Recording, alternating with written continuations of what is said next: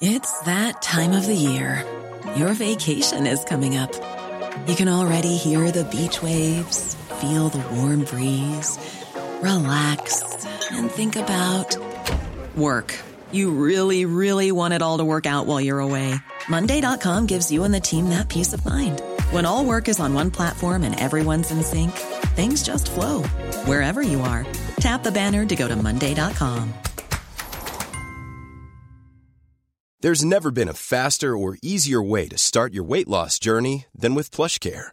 PlushCare accepts most insurance plans and gives you online access to board-certified physicians who can prescribe FDA-approved weight loss medications like Wigovi and Zepbound for those who qualify. Take charge of your health and speak with a board-certified physician about a weight loss plan that's right for you. Get started today at plushcare.com slash weight loss. That's plushcare.com slash weight loss. plushcare.com slash weight loss.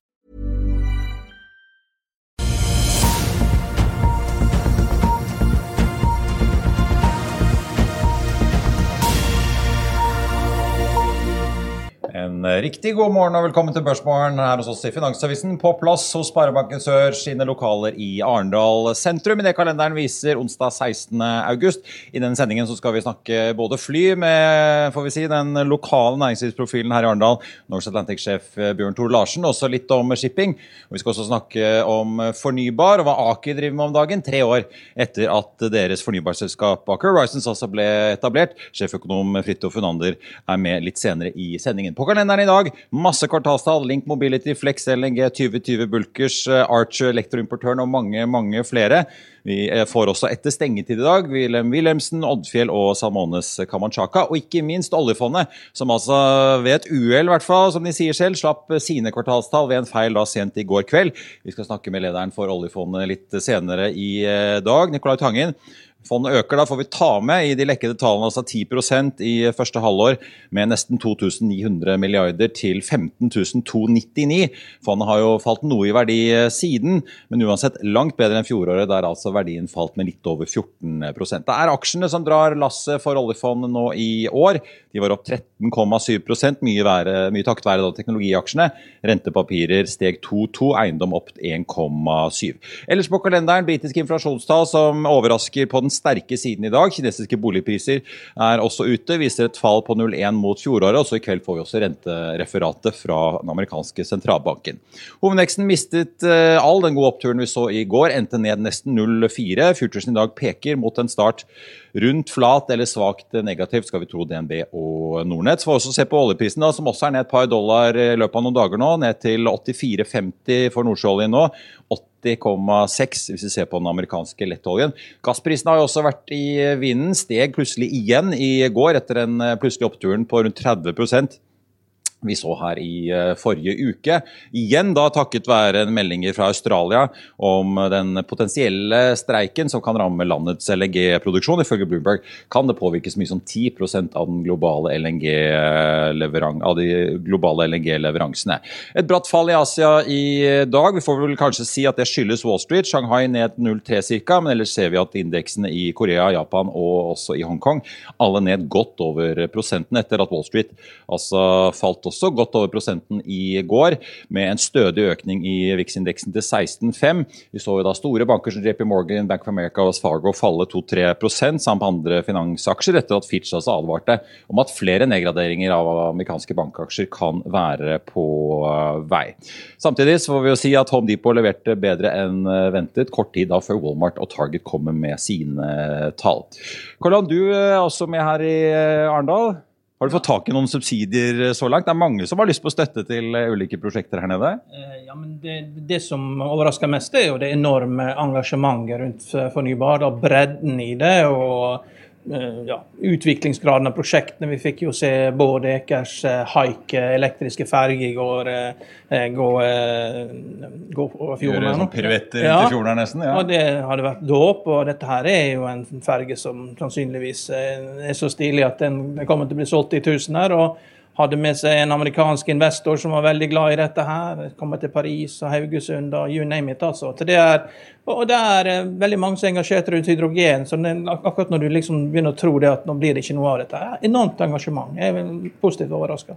Men det kommer også, det er ikke bare seminarer om eh, grønn omstilling og elektriske ferger. som for øvrig, Vi skal visst få se dåpen. En kollega av oss kan jo filme litt senere i dag. Ja. Men vi må også snakke om Kartasdal, en ja. av oljeservicekonsernene på Oslo Børs, Archer hvor det jo var en stor refinansieringsprosess tidligere i år. Eh, og kom en liten melding kontraktsnyhet i går. Aksjen steg opp nesten 14% I dag er de ute med tallene sine. Ja, altså det, de, Når du lanserer kontrakt dagen før det kommer tall, så er det et stort rødt flagg. Og det er klart Den kontrakten den er jo på 2,5 av uh, selskapets omsetning fra 2025 og når aksjen da går med 8% på det, så kommer tallene. Og det som de ikke sier noe om, som sier veldig lite om, da, er jo at eh, de sier at det er usikkerhet i Argentina. Men eh, Aker har tapt penger de ti siste årene, og de kommer til å tape penger i år også. fordi de er nødt til å ta nedskrivninger i Argentina.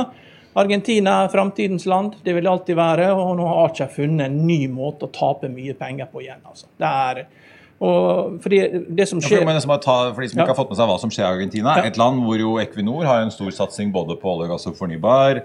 Archer er inne. De skriver jo i eh, kvartalsrapporten at eh, det er økt usikkerhet i Argentina nå før eh, valget, men det skjer jo mer enn det? Ja, det er jo ei setning. De har 1700 ansatte, det skal visst være rundt en tredjedel av aktiviteten. og det er kommet en ny presidentkandidat, en hvis det går an å kalle det noe så rart som eh, kryptokonservativ eh, kar som skal knuse sentralbanken. Og, og, dette er jo et land som eh, tok feil, tok feil, har tatt feil ved hvert eneste veiskille siden 1955. Og hver eneste, gang det, hver eneste gang det er noe som skjer, så finner man stadig nye dype, dype bunner. Man ser jo på spøk på makro at det finner fire typer økonomier. Det er utviklede økonomier, utviklingsøkonomier, og Japan og Argentina. Ja.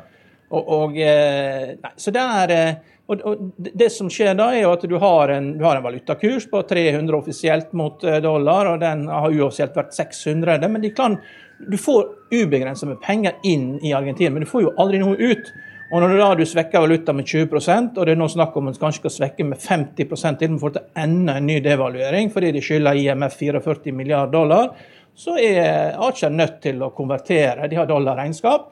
Og da får du, en, du får derfor en mye lavere eh, kurs, og du får ta en nedskrivning. Og dette her er jo mest naturgass. Argentina er Det er, enorme reserver. Vi produserer sånn ca. bare 500 000 fat olje. Så mesteparten av det som vil bli produsert her nå, det er jo naturgass, og det må brukes internt, må selges internt i landet. For nå kommer det til å få en ny fase. Du kan si det sånn at eh, Argentina Du finner sånn meat and potato countries. da, Mens Hviterussland har overlevd på poteten, så overlever Argentina på kjøttet. da, og det er det som er liksom, Alt kommer til alt, har de alltid kjøtt, mens Hviterussland alltid har poteter. Så det er en kjøttøkonomi som alltid overlever, men det er ikke så mye mer. liksom. Jeg ser nå aksjer starter opp 3,7 eh, etter den kraftige oppgangen i går. Det er, det er bare å selge. Det er bare å selge. Det er bare å selge. Ja, for Det skulle til å si, det er jo Argentina, og særlig Nordsjøen, som er liksom de virkelig store markedene for dem. Jeg antar konsernsjef Dag Skinlo, som har prestasjon uh, i det vi snakker her, sikkert får noen spørsmål om utviklingen i det som da tross alt er et viktig marked for dem? Det er en veldig positiv ting. De har vel utstedt en milliard nye aksjer. så du vet, EPS, uh, Tap i EPS kommer til å falle ganske kraftig. Ja. Så. Flere aksjer å dele på. For vi får ja. jo si det da, at omsetningen eh, opp 20 til nesten 300 millioner dollar. De holder jo da på guidingen sin om at de skal bikke en milliard dollar i omsetning i år. Justert resultat opp 52% men bunnlinjen fortsatt da i minus. Taper 34 millioner dollar etter skatt mot uh, tap på 5-6 på samme tid i fjor. Men da hadde de noen bokførte gevinster som løftet uh, tallene. På den annen side, de sier jo at de forventer at uh, krigen i Ukraina og energisituasjonen generelt bidrar til høy aktivitet. De har jo, uh, tror jo på veldig vekst i plugging av brønner i Nordsjøen. De har kjøpt en Baker Hughes-divisjon i Storbritannia. Så det skjer jo ting utenfor Argentina i Archer Helt klart, men dette er et selskap som lever av ordrer. Og da ville nyheten vært hvis de ikke fikk ordrer. Ja. Ja, ordrer må du få når du ordreproduserer. Vi, så får vi ta med da, de, hent, de kjørte en full refinansiering til 1 krone da, tidligere i uh, mars. Nå ligger den på 1,085. Så litt grann opp, men ikke så veldig mye. Vi får se. Home Depot uh, gjorde det ganske bra. Ja, men jeg har ikke sett, fått sett på de tallene. Det- Nei, inntektene ned. Ja. Ellers eh, vi har fått tall fra Flex eh, LNG, som selv sier at en streik i Australia vil eh, kunne føre til et veldig stramt LNG-marked. Svakt ned på resultatet her til 39 millioner dollar, uendret utbytte på 0,75. Vi får også ta med elektroimportøren, i og med at utsiktene i eh, varehandelen og konsum er i vinden. De venter et utfordrende marked fremover. Justert resultat falt fra 47 til 35 millioner kroner. Tallene fra Link, Lumi og 2020 Bulkers de kan du få med deg på FA.no. De er også ute. Vi skal eh, over til dagens første gjesteintervju. og Vi fikk besøk av eh, Bjørn Tore Larsen her i eh, går, som altså står bak både OSM Group og Norse Atlantic, som altså plukket opp hansken etter Norwegians langdistansesatsing. Det ble selvfølgelig da snakk om fly og shipping. Bare se her. Vil du bli oppdatert på det viktigste som har skjedd innen finans og næringsliv? Da er det bare å følge med, for hver morgen er jeg, Marius Lorentzen og aksjekommentator Karl Johan Malnes på plass i studio for å ta tempen på dagens marked i Børsmorgen. Og hver ettermiddag oppsummerer vi alt du trenger å vite i økonominyhetene, og det blir selvfølgelig masse interessante gjester. Klikk deg inn på fa.no-tv, eller søk opp Børsmorgen og Økonominyhetene der du hører på podkast. Hey, I'm Ryan Reynolds. Recently, I asked Mint Mobile's legal team if big wireless companies are allowed to raise prices due to inflation. They said yes. And then when I asked if raising prices technically violates those onerous two year contracts, they said, What the f are you talking about, you insane Hollywood ass? F- So to recap, we're cutting the price of Mint Unlimited from $30 a month to just $15 a month. Give it a try at mintmobile.com slash switch. $45 upfront for three months plus taxes and fees. Promo rate for new customers for limited time. Unlimited more than 40 gigabytes per month. Slows. Full terms at mintmobile.com. I'll see you in court. Vi sier det ofte litt på spøk, men for deg som driver business, er det aldri moro å innse at du ikke har laget en 100 gyldig kontrakt. Du bør ikke risikere hele firmaet ditt fordi du synes dette med kontrakter er litt stress. En avtale er ikke en avtale. Du kan miste kunder, miste venner, ja, til og med miste inntekter om du ikke lager en skikkelig kontrakt, på alt mulig, egentlig. Men vi vet det er et styr. Kopimaskiner, tregprinter og haugevis av papir. Dessuten stoler vi jo på folk her i landet. Det er ofte litt kleint å skulle be om en signatur for alt mulig, ja, for mye av styret handler også om jakten på underskriften. Det finnes en enkel måte å løse dette på, Dukkobit, en trygg, effektiv og get this, gratis måte å sikre seg en god natts søvn pluss en juridisk bindende avtale. Dukkobit-appen har de strengeste sikkerhetskrav i bunn, samt en EU-godkjent og sertifisert teknologi. Framover vil det bli behagelig å spørre du, skal vi skrive under på det, eller? Kom i gang på dokobit.no.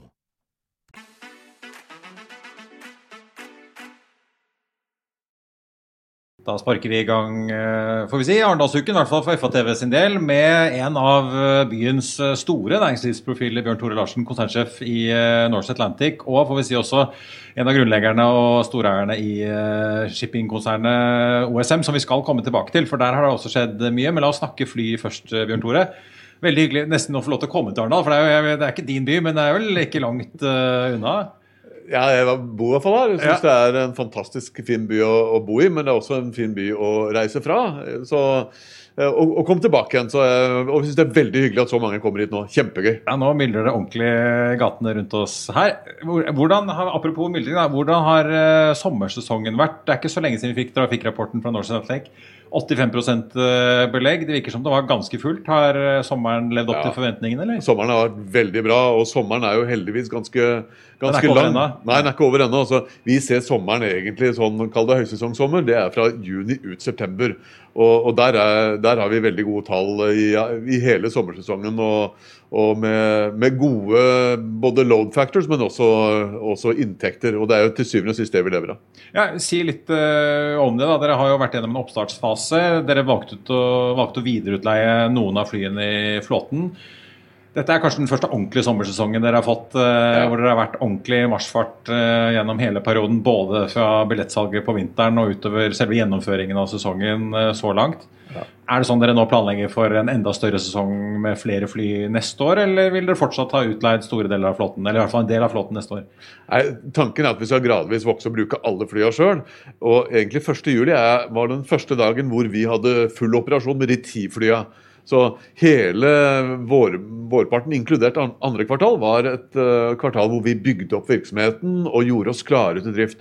Men første, første ordentlige drag hvor vi hadde hele flyselskapet i drift, det var 1.7 i år. Og, og da har vi ti fly i drift, og, og, og neste år så kommer vi til å ha flere fly i drift. Eh, Vi har fem fly til som foreløpig er leid ut, men som vi eh, skal ta tilbake til egen produksjon. Ja, og det, De begynner å komme tilbake igjen fra neste år, da? Ja, De kommer tilbake eh, første halvår neste år. De fleste kommer da i, i kvartal to. Ja. Nå kommer dere med en kvartalsrapport etter 1.8 for da første halvår, men det du egentlig sier da at uh, veldig mye av inntekten og aktiviteten vil jo da først komme egentlig i regnskapet for tredje kvartal. egentlig. Da, det er Ja. først da man virkelig vil se Det, er helheten her. det er riktig. Da vil, du, da vil du kunne se hvordan forretningsmodellen vår fungerer, og, og hvordan vi gjør det både på inntekts- og kostnadssida. Jeg tror vi, eh, vi er veldig godt fornøyd med begge. Si litt om eh, på en måte også strukturen her. da. En del vil jo huske at I fjor høst så hentet dere plutselig penger for å bygge opp kapital som dere ble pålagt av myndighetene til det britiske datterselskapet. Det er nå operativt. Er. Dere har jo vært ganske åpne på at her, eh, selv om vi nordmenn kanskje skulle ønske det, så er det ikke Norge som er liksom den store maskinen, selv om vi nordmenn er glad i å fly. Det er de store markedene fra altså Berlin, Roma og særlig London. Dere er store på Gatwick, inn og ut av USA, som er driverne her. Eh, hvordan ser liksom volumet ut nå? Er det Gatwick som er eh, den store nummer én i systemet? Gatwick er, er veldig stort. Vi er jo, som du sier, den største, faktisk det største flyselskapet mellom London, Gatwick og USA i dag. Og det, det syns vi er ganske godt gjort. eh, Tross, det er tross alt. It doesn't matter. Eh, og vi er, vi er, vi er, det er vårt første år i operasjon i UK over, over første sommer, og, og, og vi har nådd nummer én-posisjon. Og vi flyr med, med veldig mange passasjerer begge veier. Eh, men også de andre rutene har vært, har vært veldig populære. F.eks. Roma til New York, Paris til New York. Vært kjemperute for oss. eh, og det visste vi, for det er store volumer med passasjerer som reiser hvert eneste år mellom de byene. Si litt nå hvordan eh, dere posisjonerer dere for vinteren. For dette er en bransje med store svingninger. I hvert fall i Europa så er vi veldig glad for det om sommeren. Ja, november, litt av desember, januar, store deler av februar. Veldig stille. Eh, dere har jo tidligere snakket om at Thailand blant annet kommer til å være en eh, mulighet for dere til å holde flyene mer i aktivitet. Eh, Jamaica, Barbados har jeg også sett nevnt, og nå også Miami. Ja. Eh, Hvor mye realistisk sett tror dere at det klarer å sysselsette flåten og, og på en måte tette igjen det gapet som ofte tømmer flyselskapene for penger på vinteren? Det, det er jo også det første året vi faktisk kommer til å fly en gjennomført vinterstrategi hvor verden har åpna seg, og hvor vi får muligheten til å, å fly fra kaldt til varmt. og Det er det vi kommer til å gjøre mer av i vinter. Så Oslo-Bangkok eksempel, er en, en rute hvor vi kommer til å og, og har godt belegg. Og, og veldig mange nordmenn har syntes at det har vært en, en god rute og har kjøpt billetter til den. Men vi flyr også f.eks. fra UK til, til Karibien, til både Jamaica og Barbados. Og, og Miami er også blitt en stor base for oss om vinteren. Der flyr vi ut fra Miami i vinter, så flyr vi både til London, til Paris, til eh, Oslo og til Berlin. Og, og alt det er markeder som eh, vi, eh, vi, vi vet er interessert i, i den trafikken. Og så er det selvfølgelig noen av rutene de er helårsruter. Type London-New York eller Paris-New York, London-Los Angeles. Der flyr vi hele året. Ja. Men Hvordan tenker dere operasjonelt eh, rundt da nettopp den spredningen mellom Asia og Nord-Amerika? Hvert fall de som fulgte Norwegian i sin tid, husker jo det at med en gang det var noen problemer, så var det veldig langt å hente et reservefly Ja. eh, fra USA helt til Bangkok f.eks. Samtidig som også en god del av disse rutene nettopp til eh, Sørøst-Asia var også veldig populære blant mange turister. Hvordan ser dere på den avveiningen eh, der? Nei, vi, vi, vi, vi begynner forsiktig. Og igjen, alt det vi gjør, gjør vi eh, så forsiktig vi kan. Vi må være sikre på at markedet er der, vi må sikre på at vi har robusthet operasjonelt. og Bank i bordet, men eh, vi er vel kanskje det eneste selskapet jeg har hørt om som ikke har kansellert én rute i hele sommersesongen. Så vi føler vi har en ganske sterk operasjon som har eh, mye resilience, mye robusthet i seg. Eh, Og det legger vi veldig vekt på. Du er nødt til å ha f.eks. på alle restaurasjoner her, så må du ha et sterkt teknisk setup som kan hjelpe deg lokalt. Eh, Du, du har muligheten selvfølgelig til å fly reservefly, men det aller viktigste er å ordne det du trenger å ordne på, på, på, på stedet. ja, på, på stedet og, og få deg raskt av gårde. Så vi, har, vi, vi er trygge på de rutene der, og at vi har god support på bakken der vi skal fly. Si litt om hvordan eh, markedsutviklingen er. Hvordan er liksom temperaturen på forbrukerne nå? Hvis du ser på de store amerikanske selskapene, så begynner det virker det som begynner å bli litt mindre brennhet på en del innenriksruter. i eh, USA, men i hvert fall Delta er en del av de som er tungt eksponert mot internasjonal trafikk inn og ut av USA, snakker om at det fortsatt er veldig høy reiselyst. Eh, Det virker også på flyselskapene i Europa som det fortsatt er god eh, reiselyst. Hvordan ser det ut? Er dere noen bekymret i det hele tatt, eller virker appetitten til å være omtrent endeløs etter pandemien? Jeg er konstant bekymra. Altså, er det noe vi vet, så er det at markedet her det er volatilt. Det går opp og ned. og Selv om vi er medvind akkurat nå, så, så kan vi ikke banke på at vi har det bestandig. Men eh, det vi ser i USA, det er at det er et veldig sterkt marked for oss. Amerikanere vil gjerne reise til Europa, de vil gjerne fly med Norse. Det er veldig hyggelig å se. Og vi ser at det fortsetter de med også utover uh, kall det sommersesongen nå. Og det de amerikanske selskapene rapporterer, vi flyr jo ikke innen USA, men det de rapporterer er at eh, det har, tatt, eh, det har gått litt ned på etterspørsel innenlands og på de korte utenlandsrutene, men over Atlanteren så er det fortsatt veldig sterk etterspørsel, og det, det opplever vi også. Ja, Så det er ikke, dere ser ikke noe avkjøling i, i på en måte reiselysten sånn sett da, i de markedene dere opererer i? Vi gjør ikke det, men vi ser jo at det er mindre etterspørsel om vinteren enn om sommeren. Det er det fortsatt, men etterspørselen er ganske høy i forhold til hva den har vært historisk. Eh, mange av investorene som enten sitter med Norse Atlantic-aksjer eller kanskje vurderer det, vil jo også lure på der dere er nå, hva slags kapitalbehov dere har, og eventuelt behov for å hente inn eh, mer finansiering. Dere gjorde det som jeg var inne på i fjor høst for å bygge opp det britiske eh, selskapet deres. Hvordan ser det ut fremover? Dere fikk jo inn en, ja, over 400 millioner hvis du summerer opp hele begge transjene i, i emisjonen som ble holdt i vinter. Eh, satt med en, eh, det var vel en 50 millioner dollar dere opplyste om eh, per mai. Antar du har fått fylt kassen litt i løpet av sommeren også, men, men ser dere noe behov for å hente penger fra, fra aksjonærene eller fra aksjemarkedet? Jeg, jeg er komfortabel med at det vi har av kontanter i dag, det vil ta oss gjennom vinteren. Uh, igjen, som jeg har sagt flere ganger, så er vi da avhengig av at det gode billettsalget fortsetter, og det har vært veldig bra så langt. Uh, det vil også betinge at ikke oljeprisen går helt, eh, helt i taket. Den har gått litt opp i forhold til hva den var tidligere i sommer, men fortsatt så er den på nivåer som vi kan leve med. Og så vil det avhenge av at ikke vi får store enten uh, operasjonelle utfordringer eller geopolitiske hendelser. Men hvis ingen av ja, ikke sant? For da, da er situasjonen litt annerledes. Men, men hvis ting går som det ser ut til å gjøre nå, så vil vi være greit skodd. Til slutt, før vi snakker litt om shipping. Eh, Strukturen i eh, luftfarten. Dere er jo tross alt ikke den største spilleren i verden hvis du sammenligner deg med Delta, British Airways og en god del andre, selv om dere sikkert åpenbart irriterer mange av dem når dere kommer inn og, og skal konkurrere.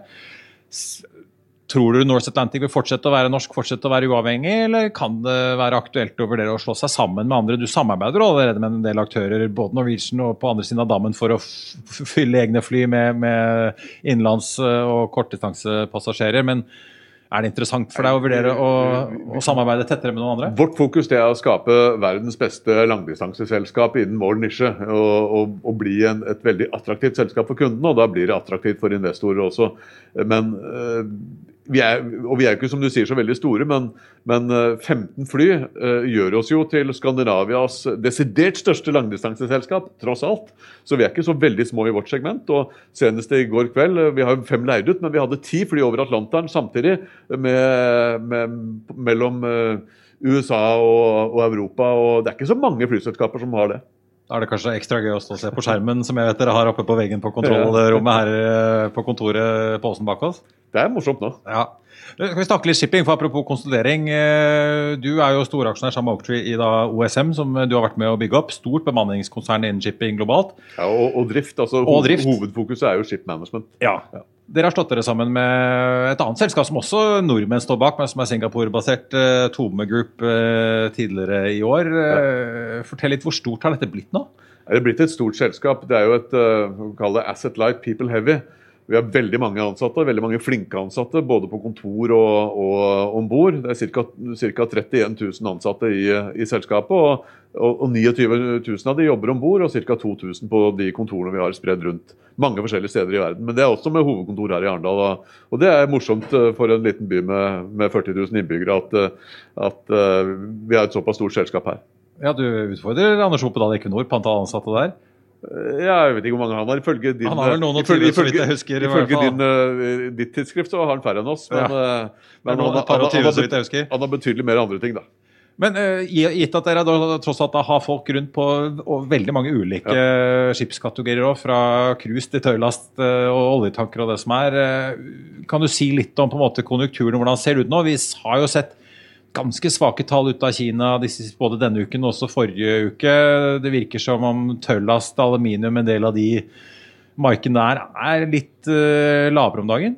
Ja, jeg, jeg, har aldri vært noen stor shipping-analytiker, så min ene, hvis jeg investerer i skip, så er det utelukkende når jeg tror det er billig, og når hele verden er pessimistisk. Eh, og, og så selger jeg kanskje litt tidlig, men jeg selger da når, når alle er optimister. Eh, jeg har egentlig ikke noen store synspunkter. Veldig ofte så, så er det store enkelthendelser som, eh, som, man ikke kan forutse, som styrer de markedene. Og det er mye flinkere folk du kan snakke om når det gjelder å spå markedet. Men er det, er det noen steder der det er mye kontrahering om dagen? da? som dere blir bedt om å bemanne opp? Ja, det, det, er jo noe, men er, altså, ordreboka er jo ganske liten på mange av tonnasjesegmentene. Og, det skyldes jo delvis høye priser, og, delvis at folk er litt i tvil om hva de skal bygge, og hva slags maskineri, propulsion, grønne skifte osv. Men vi, vi, har mye å gjøre på byggetilsyn også, det har vi. Og mange av de skipene er litt sånn state of the art, uh, ikke minst i forhold til fremdriftsmaskineri. Men igjen, jeg er ikke noen stor tekniker, så jeg tror ikke jeg skal ta deg inn i, i fortreffelighetene med det ene eller det andre. Vi får spørre en av disse andre famøse shippinganalytikerne rundt omkring. Du, Bjørn Tore Larsen i får vi si, både OSM Tome Group, som det nå heter, ja. Ja, og ikke minst Norse Atlantic eh, Aviation.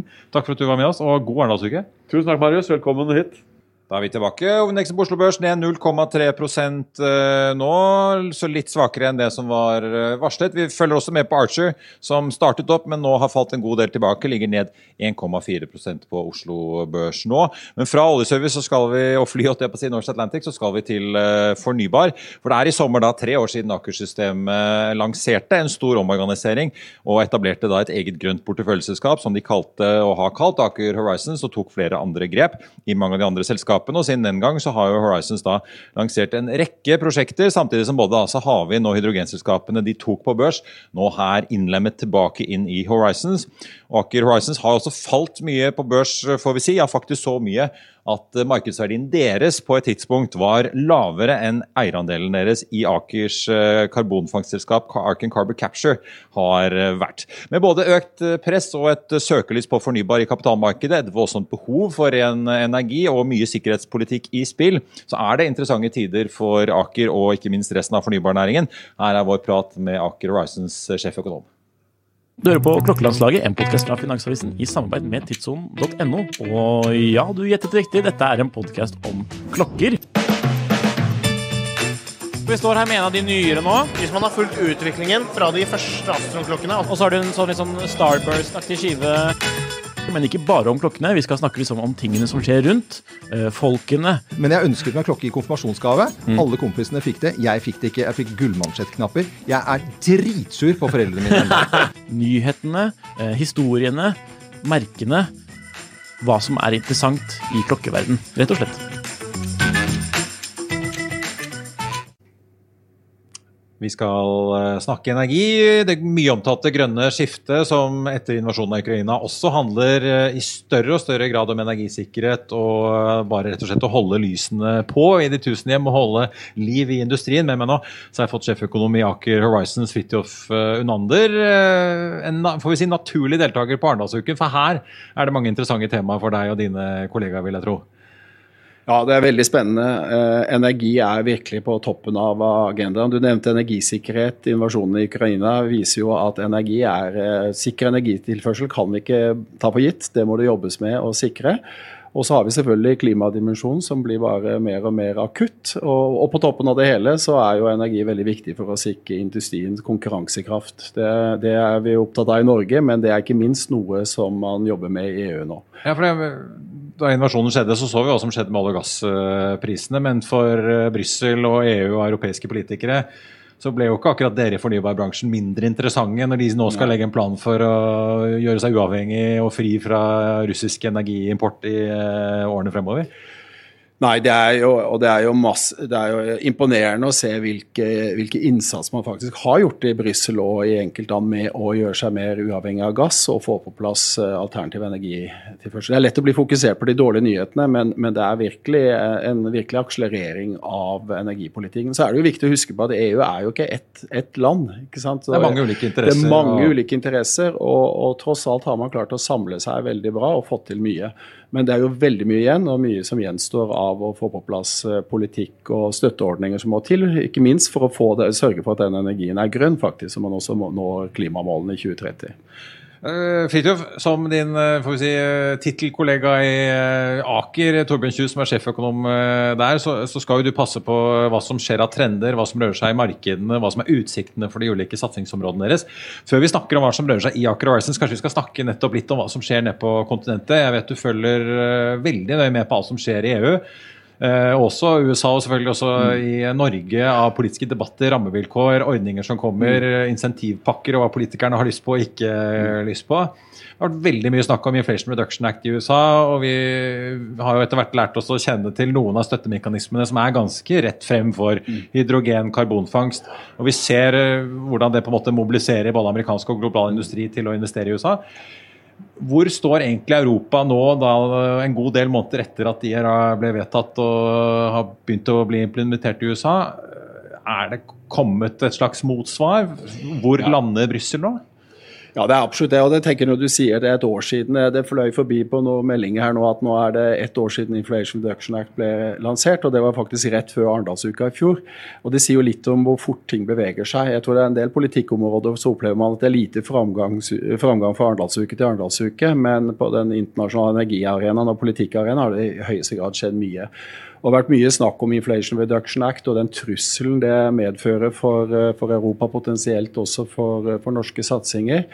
Eh, det varierer nok litt fra område til område, men jeg tror det er veldig viktig å, å notere seg at det har virkelig bidratt til å akselerere eh, omdreiningshastigheten for å si det sånn, på energipolitikk. USA har jo gått veldig brått fra å være en bremsekloss til å være en pådriver for klimapolitikk, men det er selvfølgelig også da energi- og industripolitikk i dette. EU, eh, e som da selvfølgelig har en invasjon eh, i Ukraina og, og konsekvensen av det å håndtere, eh, får jo også drahjelp ved at USA setter agendaen sånn. Og det, det som vi ser nå har skjedd i, i, i Brussel med politikk der det, det, siste året, det er at det har vært, kommisjonen har vært veldig aktiv og lansert nye politikkpakker som det jobbes med å implementere implementering på. Det går egentlig på veldig høy hastighet eh, når man tenker over at de representerer såpass mange land. Eh, og jeg tenker Et område som er viktig for Norge, CCS, vi har jo vært opptatt av det Karbonfangst også, ja. ja karbonfangst og -lagring. Det har jo vi vært opptatt av i, i hvert fall to tiår, hvis ikke lenger. Eh, det er liksom fullt og akseptert i EU. Og eh, på politikkagendaen innføres nå krav om at så mye som 50 megatonn CO2 skal lagres på europeiske kontinenter innen 2030. Og det er eh, kort tid til. Det tilsvarer faktisk ganske nøyaktig det totale CO2-utslippene for Norge. Så det er ett eksempel. Og så Hydrogen er komplekst fordi du trenger energi for å produsere hydrogen. Og, energi er jo blitt dyrt, som kjent. Samtidig så er man helt avhengig av å få ren eh, hydrogen, og hydrogen som ikke produseres fra naturgass. For å både få ned klimagassutslippene, men og ikke minst å sikre da europeisk industri konkurransekraft. Men kommer det nå hvis vi tar hydrogen først, da kommer det ordninger nå som gjør at dette eh, bikker i grønt hydrogens favør. At eh, prosjektet faktisk kan sanksjoneres med rimelige lønnsomhetskrav, eller? Det er jo et stykke igjen, og utfordringen er at eh, er, eh, hydrogen er liksom tidlig i fasen når det gjelder å få ned kostnadene. Eh, slik at det er, det er behov for ganske betydelige støtteordninger for å få dratt i gang markedet. Og så er det jo veldig, Og de er ikke der helt ennå? De er ikke helt der ennå, men det er viktig å notere seg at det er ikke bare EU. Vi snakker om Tyskland, enkeltland, men ikke minst Tyskland er svært viktig. Eh, Tyskland har en veldig ambisiøs politikk nå for å stimulere sin industri til å kjøpe da grønt eller rent hydrogen eh, som erstatning for sitt grå hydrogen. Og, og, det ser jo Vi som, vi har jo forhandlet med en del offtakere i, i, i, Tyskland, og vi har fått på plass nå intensjonsavtaler eh, tilsvarende ja, tre, tre, ganger volumet fra vårt Narvik-prosjekt, som et, kanskje blir et av de største ammoniakkprosjektene i Europa per dato når det realiseres. Karbonfangst jeg merket meg i sommer. ExxonMobil, som uh, ikke akkurat er kjent for å uh, kanskje være den som har omfavnet uh, grønne industriprosjekter først i rekken, kommer nå, virker det som, som et ja. lokomotiv. Kjøper opp dette Denbury med masse rørledninger for å fange og lagre CO2 i, i Mexicogolfen. Veldig tydelig på at dette her blir stort. De har allerede undertegnet masse kontrakter. De skal fange millioner av tonn om ikke veldig mange år da, men i USA. Uh, i Europa så har vi jo hørt at jo bare kvoteprisen blir høy nok, så, så vil dette her regnes hjem fordi kosten også kommer ned på karbonfangst. Men uh, er det litt sånn at Aker Carbon Captures tid nå Er det nå det liksom, ting begynner å skje, også utover uh, prosjektene i Norge som var liksom fødselen med betong i, betong i Brevik, for å si det sånn? Uh, ja, jeg tror absolutt det. Det er veldig veldig spennende å se utvikling på, på, på CCS. Du, du, nevner USA. en fordel i USA er at det er mye infrastruktur på plass som kan utnyttes til CO2-transport og -lagring. Og det er lagringsmuligheter som er, er lettere å utvikle enn det er generelt i Europa, i hvert fall på det europeiske kontinentet. Så når da Inflation Reduction Act gir såpass klar og tydelig støtte til lagret CO2, så utvikler det seg et veldig godt business case. Det er veldig interessant for uh, Aker Carbon Capture også, som leverer da Det er vel en av de verdensledende på fangstteknologi, så det er veldig spennende for oss. Og, så vi er opptatt av muligheter der. Uh, vi, samtidig så har vi jo spennende ting som skjer i Europa. og Da vil jeg gjerne nærme dette prosjektet vi har nå for Ørstedt, hvor vi skal levere CO2-fangstanlegg som på til sammen 500 000 tonn CO2, som er et svært, svært CO2-fangstanlegg i, i Danmark. Det som er spennende med det, er at det er basert på såkalt sånn biomassebasert energi, slik at man får faktisk negative utslipp, eller man får da CO2-fjerning. Ja, ikke sant? Så du, og, og, Det gjør at det også er veldig spennende for andre, sånn som i det tilfellet her, hvor Microsoft går inn og kjøper karbonkreditter for dette prosjektet. Så Det er en veldig spennende businessmodell for, for CCS. Eh, og Det er et, et, stort prosjekt for oss eh, og, og, for Aker Carbon Capture, og det tror jeg blir veldig viktig. Så Vi håper på flere sånne prosjekter. Eh, og er, Vi er i ferd med å bygge et annet anlegg i, i Nederland som, eh, som, eh, går etter planen. Så vi, vi håper også da at disse 50 megatonnene med lagringsmålet til EU innen 2030 skal være med å virkelig dra i gang eh, markedet også i Europa. Skal vi snakke litt uh, vind, for det virker jo da som karbonfangst altså, og lagring, CCS, begynner virkelig å gå unna. Hydrogen kommer, trenger fortsatt litt dyttehjelp fra myndighetene hvis man skal klare å i hvert fall få det grønne hydrogenet, ikke dagens naturgassbaserte hydrogen, ja. til å, å rulle. Eh, hva så med vind? Dere har jo selv et selskap, eh, Aker Offshore Wind, som, dere, som var børsnotert, som dere tok inn igjen i, i Aker Horizons, og nå legges under irske mainstream, ja. som dere også kontrollerer. Men vi har jo sett flere aktører i bransjen nylig. Siemens, starten av året så vi Ørsted og Vestas mm. både på, på måte vindmølleprodusentsiden og på utbyggersiden mellom ganske store utfordringer på kostnader, mm. Eh, forsinkelser, dårlige marginer. Mange av disse aktørene går jo rett og slett i minus, mm. selv om de har holdt på i mange mange år allerede. Eh, hvordan ser dere på vind nå? Opplever dere at eh, det lugger og at det er en slags reset, eller? For det blir jo ikke sanksjonert mange vindprosjekter i Europa for tiden? Nei, vi, vi, tror det er klart at uh, det, markedet her ble jo innhentet av selvfølgelig prisstigning, nei, eh, økte renter og også supply chain-utfordringer eh, post-covid. Så dette gjør jo da utslag i de porteføljene som på en måte er under utvikling. Uh, selv om disse problemene vil, eller utfordringene vil være krevende også på, på, kort sikt, så har vi veldig god tro på at det underliggende etterspørselen etter kraft fra havvindprosjekter er så sterk eh, at vi tror dette kommer til å bli god, eh, god business etter hvert. Eh, og vi jobber med Vi skal delta i auksjonene og, og søknadene på både Utsira nord og Sørlige Nordsjø 2 i Norge. Og vi har stor tro på at vi skal klare å gjennomføre gode prosjekter der. Men det er klart, det som er viktig her nå, er jo også at aktørene har mer fokus på å gå inn i auksjoner med, med, mer realistiske bud. Med vett, vett i behold, litt har blitt sagt kanskje? Mark, ja, nettopp, men, altså, med en markedssituasjon som har endret seg. ikke sant? Så det er, Om det er en racehet eller i hvert fall at man setter seg på en ny trajectory, det tror jeg er, eh, tror jeg er viktig. Og vil nok bety også at de mest attraktive områdene vil bli enda relativt sett mer, enda mer attraktive i, i fremtidige auksjoner. Hvordan ser Norge ut, hvis du ser da på havvind versus andre markeder? Eh, jeg vet jo man i Aker-systemet både er engasjert i California. Man ser på Korea, selvfølgelig europeiske markeder, og Norge. Nå har vi sett Equinor legge Trollvinden, som var deres eget prosjekt, som de eh, kom opp med i skuffen. De to områdene som norske myndigheter eh, skal utlyse, der har søknadsfristen nå blitt skjøvet på, for de venter på litt avklaring fra ESA hva som er lov å gi støtte. Hvordan vil du beskrive måte muligheten i Norge nå versus andre markeder dere også er engasjert i? Jeg tror det er veldig gode muligheter i Norge. Norge vi har gode vindforhold. Eh, det er, eh, det er, vårt hjemmemarked. Vi har ikke minst en, en, veldig sterk eh, leverandørindustri som kan være med å bidra. Så vi har stor tro på at de, de prosjektene i Norge vil være konkurransedyktige i en europeisk sammenheng. Og vi har, veldig, vi har stor tro på de, de, prosjektene vi utvikler med tanke på, tanke på auksjonen og, og utlysning som kommer nå. Eh, og det er klart, eh, Ser man i, tilbake til Europa og ser det enorme kraftbehovet Europa har, og Det er jo gjenspeilt også i, i deklarasjonene som har kommet fra Nordsjølandene om ganske høye ambisjoner om mye vindkraft og havvind som må utvikles. Så er det klart at Norges del av dette, det er jo nærmest bare å se på kartet, så skjønner man at vi, vi har en veldig viktig rolle å spille der. Og når du da legger inn eh, kompetansen vår og industrierfaringen vi har for offshore-prosjekter, så er det klart at dette her er en veldig viktig mulighet som vi må være med på, og det er vi opptatt av eh, i Aker også. Uh, dere feirer jo snart tre år.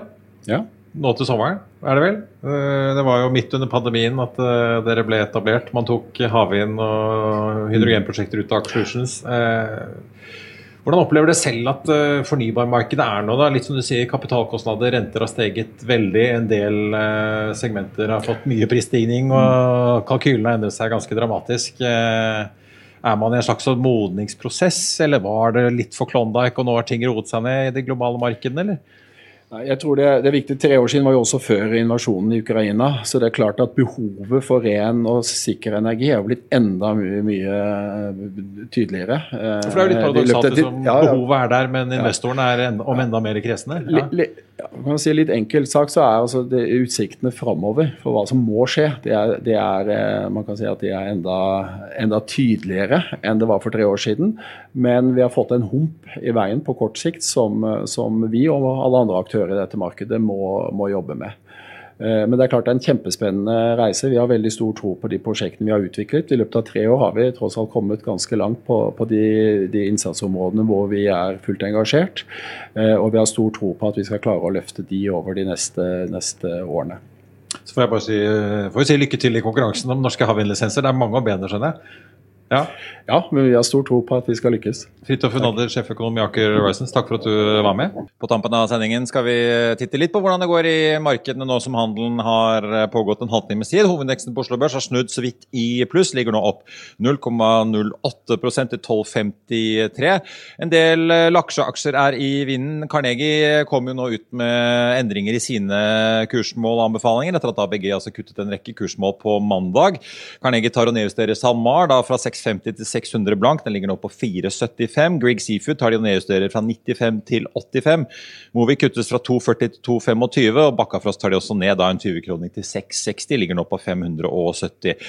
Nordea Markets for øvrig også ute og kutter kursmålet på Grieg de òg, fra 100 til 90. Altså en femkroning over uh, Carnegie. Den aksjen er noe ned i dag, til 72. Og så får vi også si at Lerøy stiger da en uh, drøy prosent i dag, og har vært opp litt uh, mer etter at det ble kjent at Øystein Betalen har lastet opp i Lerøy-aksjen.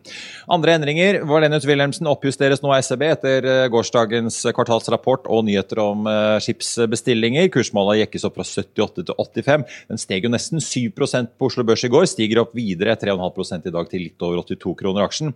Så har vi Rex Silicon, som vi også snakket om i går. Der oppjusterer Pareto kursmålet fra 27 til 30.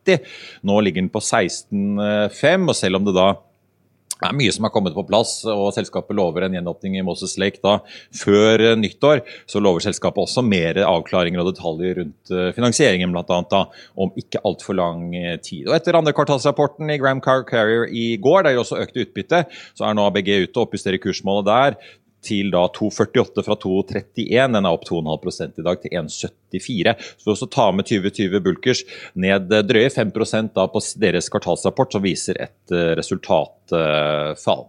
Det var det vi hadde for deg på denne onsdagsmorgenen i Børsmorgen. Vi er tilbake her klokken 14.30 med Økonominyhetene. Og det blir masse mer stoff denne uken her fra Arendal. Vi skal snakke både med Nordea Norge-sjefen, sjefen i oljefondet. Vi får med oss også sjefen i Norwegian, Aker BP og mange, mange flere. Så følg med. Og så er det jo selvfølgelig da også rentemøte i morgen. Da skal vi snakke både med sentralbanksjef Ida Wolden Bakke og den nye sjeføkonomen her i Sparebanken Sør bl.a. Så det er bare å følge med. Siste nytte får du som alltid på fa.no. Mitt navn er Marit Sorensen. Takk for nå, og så ses vi igjen i ettermiddag.